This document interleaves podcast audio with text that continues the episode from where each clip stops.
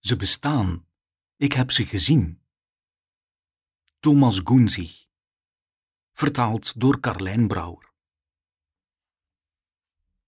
Eenmaal in de trein probeerde hij vast te stellen hoe hij zich voelde. Hij vond zijn humeur vaak moeilijk te bepalen. Voelde hij zich gelukkig of niet? Was hij angstig, opgewonden, enthousiast, nieuwsgierig, droevig? Zeker weten deed hij het nooit. En wat had hem doen besluiten aan boord te gaan van deze trein, die een hele dag onderweg zou zijn? Was dat een vlaag van verstandsverbijstering of het resultaat van een gedachte die al langer had liggen rijpen? Ook dat wist hij niet. Hoe dan ook, hij bevond zich in een rechtstreekse trein naar een stad in Zuid-Europa waar hij niets van af wist, omdat hij er ook nog nooit was geweest. Het enige wat hij wel wist, was dat hetgeen hem daar wachtte een vrouw was. Bij die gedachte was er een clichématig glimlachje op zijn gezicht verschenen. Tot op dit punt in zijn leven, nu hij op de drempel van de ouderdom stond, was hij in zijn leven nooit echt origineel geweest. Een gehoorzaam kind, een ijverige leerling, een zorgvuldige werknemer, een trouwe echtgenoot, een liefhebbende vader. Tot op heden was zijn leven één lange, vlakke wandeling rechtdoor geweest. Zijn tijdelijke verblijf op aarde zou geen sporen nalaten. Hij zou een prettige herinnering zijn voor de paar mensen die hem gekend hadden, een zweem nostalgie in de harten van zijn kinderen, een foto of twee op een dressoir, of een paar fotobestandjes op een harde schijf die bijna nooit meer bekeken zou worden. Hij zou een naam zijn die in minder dan één generatie vergeten was. Hij had geen roem gekend en één drama. Eén drama op een heel mensenleven. Dat was zo slecht nog niet. Het maakte hem niet in het minst uit dat hij zo gewoon was. Hij ontleende er zelfs een bepaalde trots aan. Hij had meer goeds dan kwaad gedaan. Hij had geen vijanden, had nooit gefraudeerd, nooit gestolen, nooit gevochten, had zichzelf nooit aan verdovende middelen gewaagd, behalve dan een glas wijn of twee. Hij hield van muziek die iedereen leuk vond, van films die iedereen keek, van boeken die iedereen las. Met zijn kleding probeerde hij zich niet te onderscheiden en hij was beleefd tegen iedereen. Zelfs zijn uiterlijk was gewoon. Hij was een gemiddelde lengte, een gemiddeld gewicht, had klassiek bruin haar, volkomen normale bruine ogen, een symmetrisch gezicht dat bijna knap was zonder echt spectaculair te zijn. Maar die ochtend had hij plaatsgenomen aan het raam van een trein en daar had hij niet één goede reden voor. Want de trein zou hem naar een vrouw brengen die hij in geen 35 jaar had gezien, die Laura heette en op wie hij krankzinnig verliefd was geweest, tot er twee doden waren gevallen. Dat was een enige drama geweest. Ze had hem een paar dagen eerder een berichtje gestuurd via Messenger. Een heel neutraal berichtje. Dat is lang geleden. Hoe gaat het met je? Zijn antwoord was feitelijk. Het werk dat hij deed, hoe oud zijn kinderen waren, hoe zijn vrouw heette. Hij had haar Facebook-profiel bekeken. Wat was er van haar geworden na al die jaren? Ze had in de horeca gewerkt. Ze leek van wandelen te houden en van honden. Ze was tegen de bouw van een winkelcentrum in de buurt van een beschermd natuurgebied en ze was voor verblijfsvergunningen voor mensen die illegaal waren. Ze gaf ieder jaar bloed voor het Rode Kruis en de foto's van een slanke, gespierde jonge man die op het strand gemaakt waren en waren voorzien van het bijschrift Mijn jongen alweer twintig, ik ben trots op je, deden vermoeden dat ze een kind had.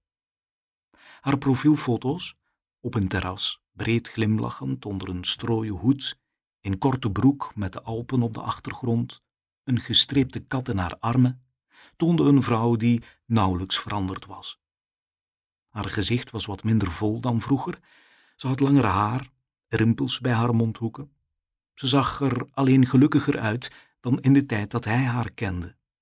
Op haar gezicht lag niet meer dat ongeruste, dat opgejaagde, dat rusteloze, dat hem in die tijd ook zo gekenmerkt had. Het leven had haar rustiger gemaakt. Toen de trein zich in beweging zette, schrok hij op, alsof hij dat niet had verwacht alsof hij tot op dat moment de beslissing die hij had genomen nog niet helemaal kon bevatten. in de trein te stappen en haar op te zoeken. Hij had met niemand over zijn besluit gesproken. Hij had zijn werk niet op de hoogte gebracht en zijn vrouw al helemaal niet. Hij was net als iedere ochtend van huis weggegaan, had zelfs gewoon tot straks geroepen toen hij hun appartement verliet. Hij keek op zijn telefoon. Het was negen uur s morgens. Hij had een half uur geleden op kantoor moeten zijn. Zijn collega zou zich over een uur zorgen gaan maken en zou hem waarschijnlijk proberen te bellen. Maar hij had besloten dat hij niet zou opnemen als dat zou gebeuren. En hij zou ook niet opnemen als een vrouw hem vervolgens zou bellen met een stem die beefde van angst. Dat hij haar dat moest aandoen, vond hij absoluut niet leuk. Hij voelde zich er zelfs heel schuldig over. Over de eventuele consequenties die zijn actie had, daar had hij geen zins over nagedacht. Maar hij werd gedreven door een kracht die sterker was dan zijn wil, dan zijn schuldgevoel, zijn goede opvoeding, zijn persoonlijkheid. Een kracht waarvan hij de aard nog naam kende, maar die hem die ochtend bijna een weerwil van zichzelf naar dat station had gevoerd, naar die trein, naar die stoel bij het raam, voor een lange reis die hem naar deze vrouw zou leiden, die hem niet verwachtte. Hij had natuurlijk rekening gehouden met de mogelijkheid dat ze niet blij zou zijn dat hij zomaar, spontaan, haar leven kwam binnenwandelen. Een leven waarvan hij niets wist, behalve dan wat er van weerspiegeld werd op Facebook.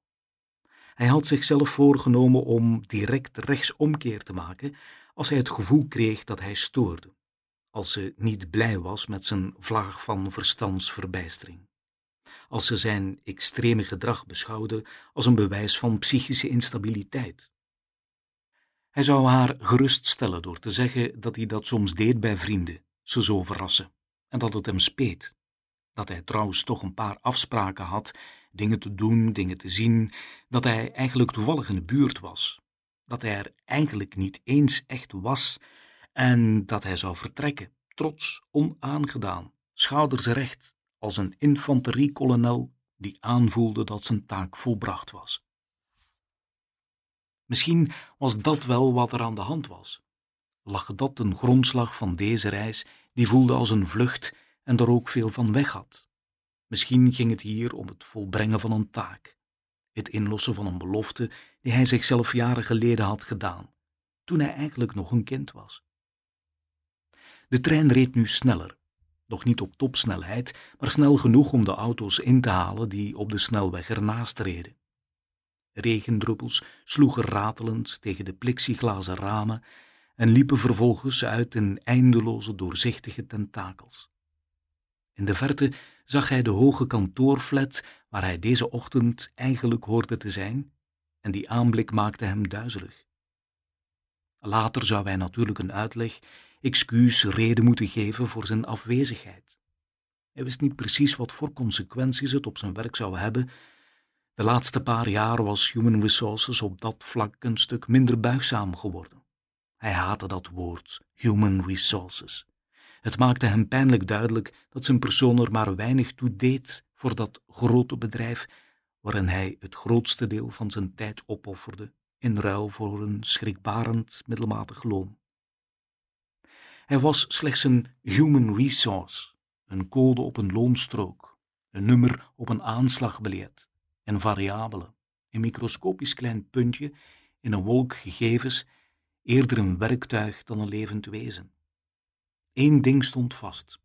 De variabele die hij was ondernam vandaag, in deze trein die onder een regenachtige hemel allengs aan snelheid won, waarschijnlijk voor het eerst in zijn leven iets wat niemand ooit had kunnen voorspellen, ook hij zelf niet.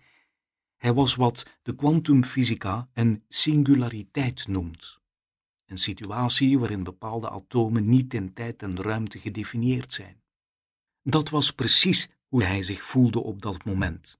Nu hij niet meer deed wat mensen van hem verwachten en hij niet meer was wie mensen dachten dat hij was, bleef er weinig meer van hem over dan iets ongedefinieerd.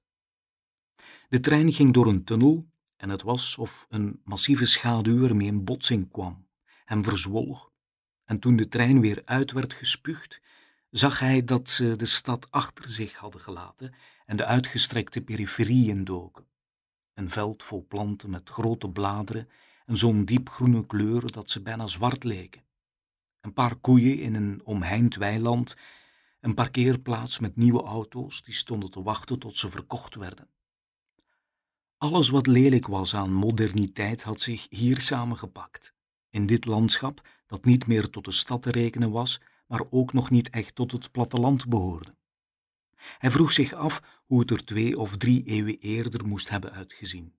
Bossen, kreupelhout, vlaktes vol doornstruiken en varens, een plek waar het leven niet getemd, niet geordend, niet vastgeroest was, een leven waarin dingen als human resources nog niet bestonden.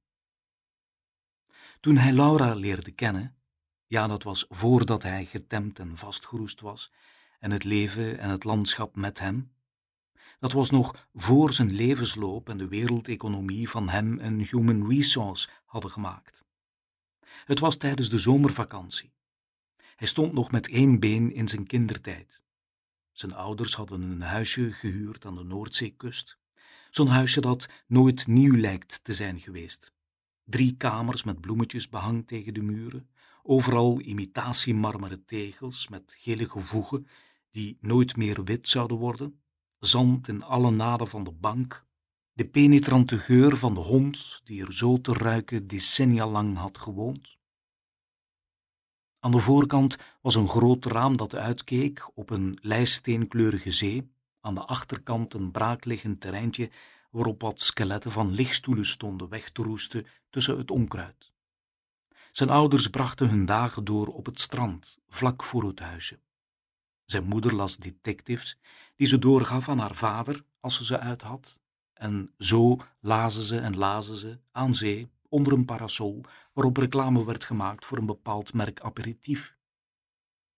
Tussen de middag verzamelde iedereen zich in het huisje. Ze aten broodjes filet américain en komkommers in het zuur en dan begon alles weer van voren af aan. Tot ze in de namiddag terugkeerden voor een douche en soms als ze geen zin hadden om te koken en de afwas te doen, gingen ze naar Il Campanile, een café dat werd gerund door een stel Vlamingen van Italiaanse komaf en waar ze flinke pizza's serveerden en pasta's die zwommen in crème fraîche. Hij herinnerde zich de verveling, de eindeloze, bodemloze, eeuwige verveling. Hij liep van en naar het strand, terwijl hij met zijn tenen figuren in het zand maakte vreugdeloos, in de van zeewier en zand vergeven golven dobberde, ongeïnteresseerd in boeken bladerde die zijn moeder hem had aangeraden. Die zomer had hij Laura ontmoet.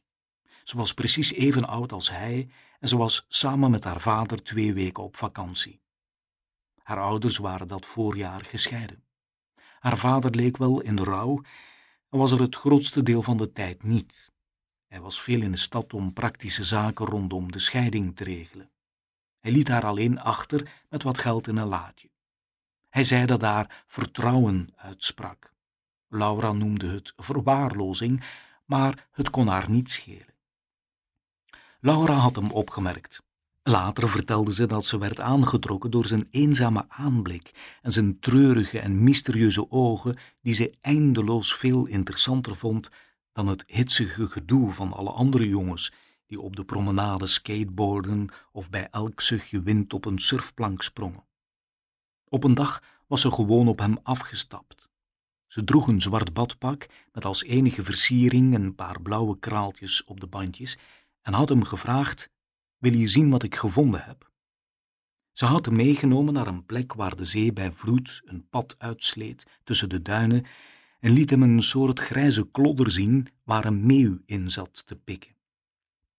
Van veraf leek het op een stapeltje kleren, maar toen hij dichterbij kwam en eens goed keek, zag hij dat het geen kleding was, maar een dood dier. Een dier ter grootte van een kleine hond. Maar het was geen hond, en evenmin was het een vis of een zeehond, zoals je die wel eens zag in de branding, als je geluk had. Dit was iets anders. Wat is dat? vroeg hij aan het meisje.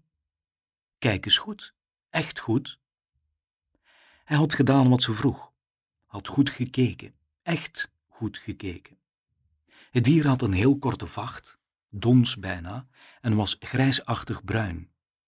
Puntige oortjes die niet groter dan een amandel waren en een gespleten snuit die leek op die van een konijn. Zijn bek was opengesperd als voor een laatste ademhaling. Het leek alsof hij wilde schreeuwen, waardoor je uitzicht had op twee rijen tanden, wit en glad als mensentanden. Het was een bizar wezen. Het leek er niets op wat hij eerder had gezien, maar het vreemds waren nog wel zijn voor- en achterpoten, die aan het uiteinde een soort mensenhanden hadden, zij het in kleiner formaat. De handjes waren roze, hadden geen dons en er zaten vijf vingers aan, inclusief een opponeerbare duim en de nagels hadden niets dierlijks. Hij zag hoe het meisje in badpak haar schouders ophaalde. Ik heb gekeken, maar ik weet niet wat ik zie. Ze kwam naar hem toe en zei op een samenzweerderige, bijna fluisterende toon dat je niet weet wat je ziet, komt omdat dit dier, of dit ding, niet bestaat. Of beter gezegd, in onze wereld bestaat zoiets niet. Dat ding komt ergens anders vandaan. Ze had extra nadruk op het woord anders gelegd. Hoezo ergens anders vandaan? Het meisje maakte een hoofdbeweging naar de zee. Daar ginds in de zee ligt een platform. Iedereen denkt dat het een boorplatform is, maar eigenlijk is het een geheim onderzoekscentrum van het Amerikaanse leger. Ze bestuderen er de geheime aantekeningen van Nikola Tesla. Het is er gelukt om een poort naar een andere dimensie te openen. Soms komt daar dan zoiets uit. Hij staarde lang naar het wezen. De meeuw was weggevlucht toen zij eraan kwamen. Stond op een paar meter afstand geduldig te wachten tot ze zouden opkrassen en hij verder kon eten. Van achter het duin bereikte hen het geluid van lachende en gillende kinderen die op het strand speelden. Wow, zei hij. Hij schrok op uit zijn overpeinzingen toen een mannenstem door een luidspreker aankondigde dat de restauratiewagon in de trein geopend was. De regen was opgehouden, door het raam waren nu stukjes blauw te zien in de grijze lucht. Een spookachtige mist zweefde boven de kleigrond. Ze raasde zo snel langs een station dat hij er alleen een vage glimp van opving en de plaatsnaam op de borden niet eens kon lezen. Hij keek op zijn horloge. Er was een uur verstreken. Nog acht te gaan. Waarom was hij niet met een vliegtuig gegaan? Omdat je geen vliegticket boekt in een vlaag van verstandsverbijstering misschien. Daar denk je van tevoren over na. Dat bereid je voor. Weinig spontaans aan een vliegtuig. Een trein was nog enigszins old school, analoog, net als alle vervoersmiddelen van de wereld van gisteren. Je kon zelfs nog kaartjes kopen bij een echte persoon die achter een loket zat. Je hoefde er geen app op je telefoon voor te gebruiken. Hij wist niet waarom, maar al die zogenaamd praktische dingen deprimeerden hem. Misschien omdat het feit dat je de hele wereld, contacten, agenda, foto's, muziek, treinen, hotelreserveringen, wegenkaarten enzovoort in een apparaatje zo klein als een telefoon kon stoppen, hem de indruk gaf dat de wereld zelf gekrompen was, terwijl dat, en daarvan was hij zeker, toch echt niet zo was. De wereld was nog steeds even groot, maar de mensen waren steeds minder in staat om die grootsheid op waarde te schatten. Langzamerhand waren comfort en een gevoel van veiligheid verworden tot het grootste goed, zelfs als dat ten koste ging van geluk en zelfontplooiing. De dag nadat ze hem het wezen had laten zien, zag hij Laura opnieuw. Hij had zich afgevraagd of hij haar ooit nog zou zien. Ze had niet verteld hoe ze heette of hoe lang ze hier aan zee zou blijven met haar vader. Behalve over geheime wetenschappelijke experimenten had ze überhaupt nergens over gesproken. Maar de dag erna, tegen het einde van de middag, toen hij niet meer verwachtte haar ooit nog terug te zien, had ze hem weer opgezocht op het strand. Die dag waren de golven door een combinatie van hoogtij en windrichting hoger dan normaal. Hij hield van de sensatie van het krachtige water tegen zijn lichaam. Dus was hij gaan zwemmen. Heel ver ging hij nooit. Hij waagde zich niet voorbij de grens die de strandwachten hadden aangegeven met boeien, maar toch vond hij het prachtig. Toen hij bibberend uit het water kwam, stond Laura op het strand. alsof ze op hem wachtte. Ze droeg hetzelfde zwarte badpak. Hij voelde hoe hij begon te blozen. Van binnen was het een grote wirwar van emoties. Hij was ontzettend blij dat hij haar weer zag. Hij vroeg zich af of hij iets moest zeggen. Hij vond haar heel mooi en juist haar schoonheid maakte dat hij zich meer dan ooit tevoren bewust werd van zijn eigen puberlijf. Hoe mager hij wel niet was, hoe bleek, hoe smal zijn schouders waren. Hij herinnerde zich nog dat hij dacht: ze moet me wel vreselijk lelijk vinden. Het wezen is verdwenen, zei ze tegen hem. Geheimagenten moeten het vannacht weggehaald hebben. Ze laten zulke bewijzen niet graag rondslingeren. Zal ik je nog iets laten zien? Hij had geknikt en ze had gebaard dat hij haar moest volgen. Zwijgend liepen ze over het strand en toen kwamen ze bij een kleine camping die bestond uit een kluitje caravans op een parkeerplaats. Zijn ouders vonden die camping altijd maar niks. Ze vonden dat het uitzicht erdoor verpest werd en dat de mensen die daar stonden altijd voor problemen zorgden. Daarom ging hij er eigenlijk ook nooit heen. Dit was de eerste keer dat hij de camping van zo dichtbij zag. Hij volgde Laura naar een vrij grote caravan, een witte met oranje strepen, waar een petrolkleurige luifel voor hing. Ze duwde de deur open en ging naar binnen. Hij aarzelde. Kom nou, waar wacht je op? Hij betrad de caravan. Binnen rook het naar afwasmiddel, natte was en zweet. Is je vader er niet? had hij gevraagd. Hij komt vanavond pas terug, heel laat. Oh. Ze was naar een van de plexiglazen raampjes gelopen en wees naar iets buiten. Kijk. Hij keek. Buiten, achter het raam, bevond zich een andere caravan. Een heel kleintje, ouderwets ook. Zo te zien stond het ding nog amper overeind. In die caravan zit een man alleen. We zijn drie weken geleden aangekomen en toen was hij er al. Hij komt nooit buiten, behalve om boodschappen te doen. Alsof hij niet wil genieten van zijn vakantie of het strand. Weet je wat dat betekent? Nou, dat hij niet op vakantie is, dat hij hier is voor werk. Hij voelde zich nogal ongemakkelijk, daar in die caravan in zijn zwembroek. Hij had het gevoel dat hij er naakt bij liep. Ik denk dat hij voor de geheime dienst werkt, dat het zijn taak is om die misbaksels op te ruimen. Denk je? Je hebt toch geen bewijs? Vrouwelijke intuïtie. Dat eerste woord, vrouwelijke, had ze nadrukkelijk uitgesproken terwijl ze hem recht in de ogen keek op een manier die hem deed blozen. We moeten de waarheid achterhalen. Wil je me helpen? Hij zweeg. Hij vroeg zich af of ze echt gek was of ze hem in de maling nam, of ze het als een spelletje beschouwde. Iets in hem zei dat hij beter kon weggaan. Maar iets anders, iets veel sterkers, fluisterde hem in dat hij bij haar moest blijven, koste wat het kost. Goed, antwoordde hij. Hij was ingedommeld. Het was onmerkbaar gegaan. Toen hij op zijn horloge keek, zag hij dat het bijna anderhalf uur later was. Hij haalde zijn telefoon uit zijn zak kantoor had hem drie keer geprobeerd te bellen.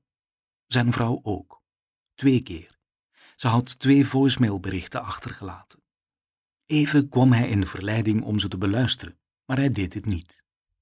Hij wilde niet geconfronteerd worden met haar van ongerustheid bevende stem. Hij wist dat het hem zou raken en dat hij dan bij het eerstvolgende station zou uitstappen en rechtsomkeerd zou maken. Dat risico wilde hij niet lopen. Even verleidelijk was het idee zijn telefoon dan maar te vernietigen of weg te gooien, zoals ze in een film zouden doen. Maar dat deed hij ook niet. Hij zette hem uit en stopte hem terug in zijn zak. De trein reed nu dwars door een bos.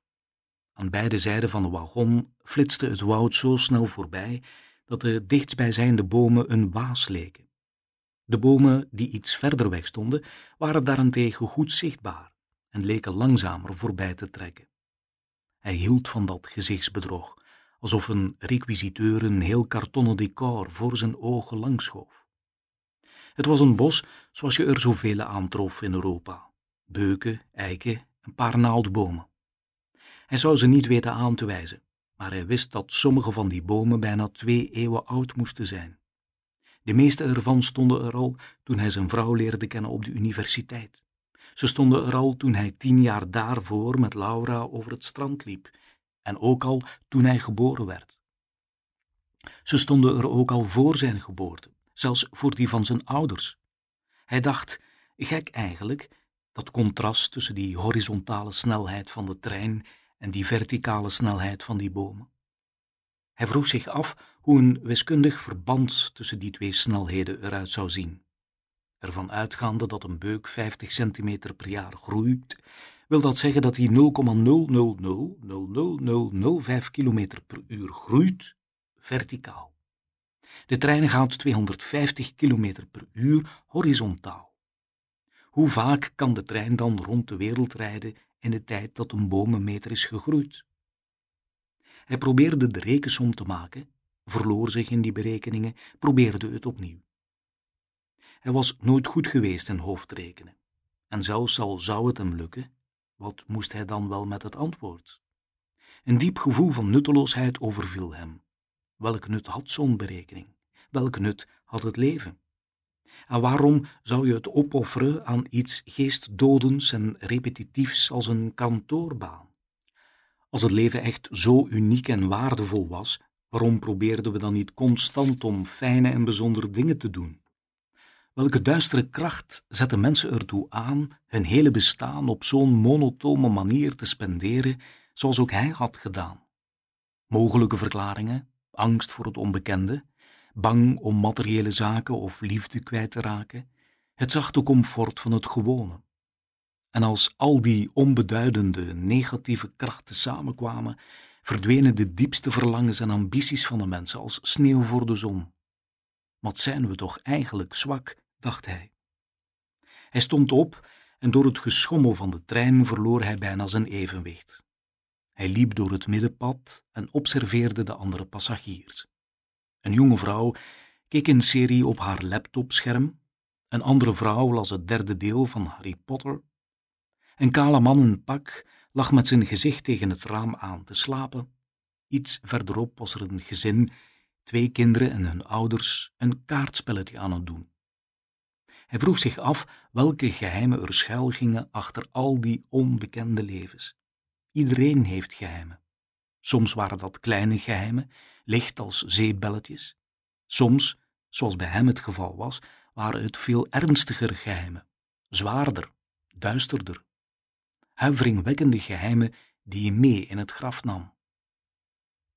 Hij ontweek een wit hondje dat midden in het gangpad lag te slapen en opende de schuifdeuren aan het einde van de wagon. Hij bestelde een witte wijn, een salade met kip en een broodje dat werd aangeprezen op een reclameposter. Net zo knapperig vers als thuis. Met zijn aankopen keerde hij weer terug naar zijn stoel. De wijn was zuurig, de salade smaakte naar karton en het broodje leek in de verste verte niet op wat hij thuis klaarmaakte. Het leven is één grote leugen, schoot door zijn hoofd. En terwijl hij daarover peinsde, raasde aan de andere kant van het raam nog steeds het bos voorbij. Langzaam begon de wijn op hem in te werken. De wijn zorgde voor de lichte dronkenschap die een paar slokken alcohol kunnen veroorzaken. Hij hield van de verlichtende en optimistische gevoel dat het hem gaf. Alles wat zwaar of verdrietig of verontrustend of beangstigend was, werd dat iets minder. Het wekte de indruk dat de wereld een bijna leefbare plek was. Het haalde de scherpe randjes van dat dramatische verleden af. Hij geeuwde en rekte zich uit. Hij wist dat hij over een uur of twee nog een flesje zou halen. Intussen drong zich weer de gedachte aan Laura op, beukend als een heftige springvloed. Toen hij, de magere en bibberende jongen in die caravan, al die jaren geleden had beloofd om haar te helpen, had hij geen idee welke impact dat op zijn leven zou hebben. Zo werkt het lot, dacht hij. Op het moment zelf heb je geen idee van wat er gebeurt. Pas later krijg je de rekening gepresenteerd. Soms gaan er decennia overheen voor je ziet hoe ver de invloed van sommige beslissingen reikt. Hij had Laura's caravan verlaten en was naar zijn ouders op het strand gegaan. Die waren zo verdiept in hun detectives dat ze niet eens hadden gemerkt dat hij weg was geweest. Hij zei dat hij het koud had en was teruggegaan naar het huisje. Eenmaal daar, alleen, besefte hij dat hij rilde, maar dat dat niet kwam door de kou. In zijn adolescentenbrein kwam er een zin bovendrijven die zich eindeloos bleef herhalen. Ik ben verliefd. Ik ben verliefd. Een soort hartstochtelijke geestdrift maakte zich van hem meester. Hij nam een douche, kamde zijn haar, kleedde zich aan en keek in de spiegel. Erin weerspiegeld zag hij iemand die nog geen man was, maar ook geen kind meer. Een soort hybride levensvorm zoals Laura hem had laten zien in de duinen. Hij wilde dat hij meer leek op die zongebruinde, gespierde jongens die naar het strand kwamen om te surfen. Wat zag een meisje als Laura nou in hem? Toen drong het tot hem door dat ze helemaal geen blijk had gegeven van eventuele gevoelens voor hem. Misschien was haar keus op hem gevallen omdat hij er nu eenmaal was, op het juiste moment, op de juiste plaats. Desondanks trok een reeks romantische beelden aan zijn jonge geestesoog voorbij. Ze tuimelden over elkaar heen. Hij zat met Laura op het strand bij zonsondergang, de hemel fel oranje, meeuwen zweefden in tegenlicht voorbij als in een vertraagde film. In dit droombeeld zitten Laura en hij hand in hand, maar ze zeggen niets. Er valt niets te zeggen. De liefde heeft een heel eigen taal die woorden overbodig maakt. Ze houden elkaars hand vast en ze lopen met langzame, volkomen synchrone tred tot Laura, alsof ze er opeens toe wordt aangezet door de dramatische lichtval, stopt en haar ogen in de zijne boort. Ze draagt een lange witte jurk waarvan de stof opwaait door de zwoele wind die vanaf de zee komt aanwaaien. Haar donkere haar hangt los en valt als een oliekleurige waterval over haar blote schouders. Ze brengt haar gezicht naar het zijne en kust hem. Hoe zou een kus voelen? Hij had nog nooit iemand op de mond gezoend, maar hij had het maar wat graag willen proberen. Hij had het maar wat graag willen proberen met Laura. En terwijl hij zo zat te peinzen, voelde hij in zijn hart het gloeien, het smeulen van zijn borstkas, alsof er een brokje fosfor in zat. Die avond was tergend saai. Zijn ouders waren zoals altijd, met die ouderhoofden van ze en die ouderkleren, die oudergesprekken en ouderzorgen. Het kon hem opeens allemaal niets meer schelen. Hij had genoeg van het kind zijn, van dat klamme comfort, die verdovende veiligheid. Hij wilde iets heftigs, groots, onstuimigs. Hij wilde zich losrukken van het leven en een ander beginnen, welk leven dan ook, zolang hij maar aan die graftombe van zijn gezin kon ontsnappen. De volgende dag was het weer omgeslagen. Een egaal grijze lucht strekte zich uit over de zee tot aan de horizon. Het wolkendek had de kleur van smerig katoen. Daaronder stond er geen zuchtje wind. De lucht zat er als het ware gevangen, stroperig als modder en stinkend naar olie. Om tien uur begon het te regenen. Het strand was leeg. Zijn ouders keken naar de Olympische Spelen op tv. Het beloofde een bijzonder deprimerende dag te worden. Hij zat door het raam te kijken hoe de regen neerdaalde op het grijze zeeoppervlak toen hij Laura zag. Ze droeg een gele regenjas en keek naar hun huisje. Toen ze hem zag, maakte ze een handgebaar. Hij antwoordde met een knik van zijn hoofd, trok zijn rubberlaarzen aan, een kawee-regenjas. Ik ga naar buiten, zei hij tegen zijn ouders, en met bonzend hart rende hij Laura tegemoet. Ben je nog steeds bereid me te helpen? vroeg ze op uitdagende toon. Natuurlijk. Ze gingen weer naar de camping en stonden nu voor de kleine caravan van de man die voor het Amerikaanse leger werkte. Ik heb hem sinds gisteren niet meer gezien. Hij zal wel een paar dagen weg zijn of zo. Nu kunnen we bewijs verzamelen.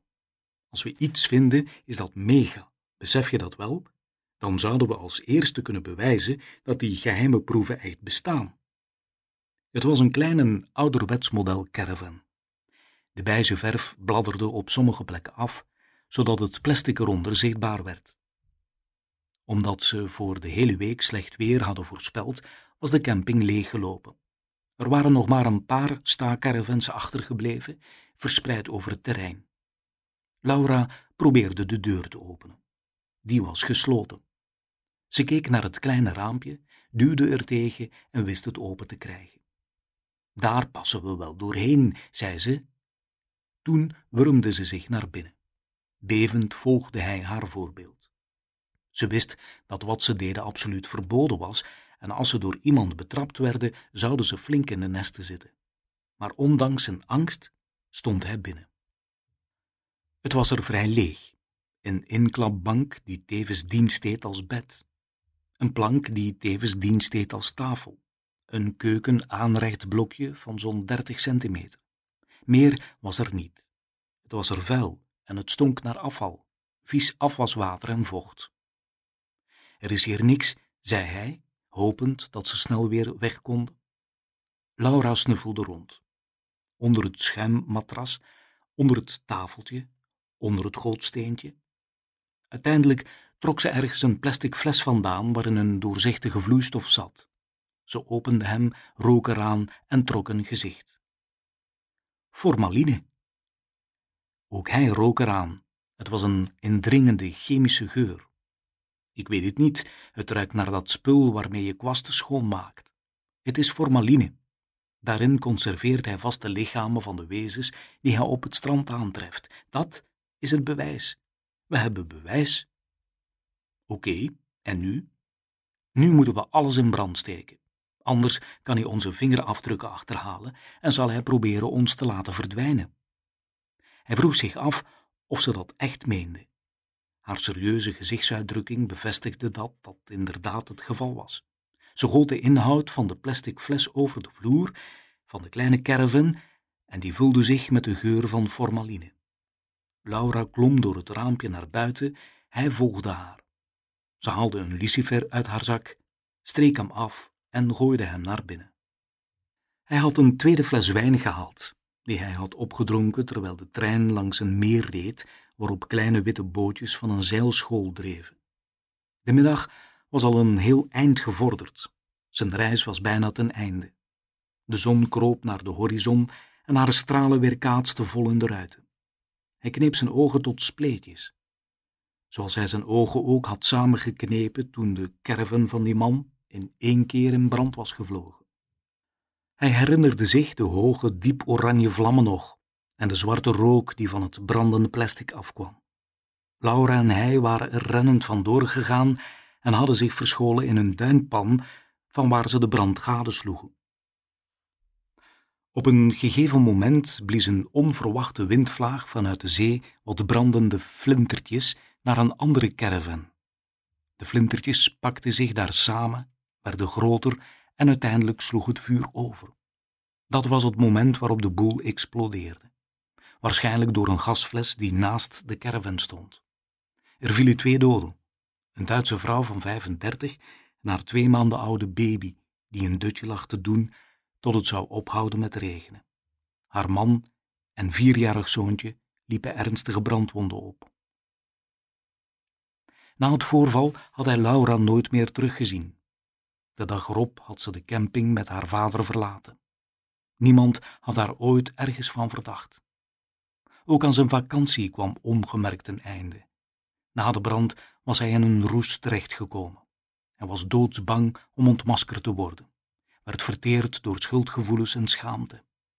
Hij wist dat hij verantwoordelijk was voor de dood van twee mensen, dat hij een beul, een moordenaar was, en dat dat nooit meer ongedaan kon worden gemaakt.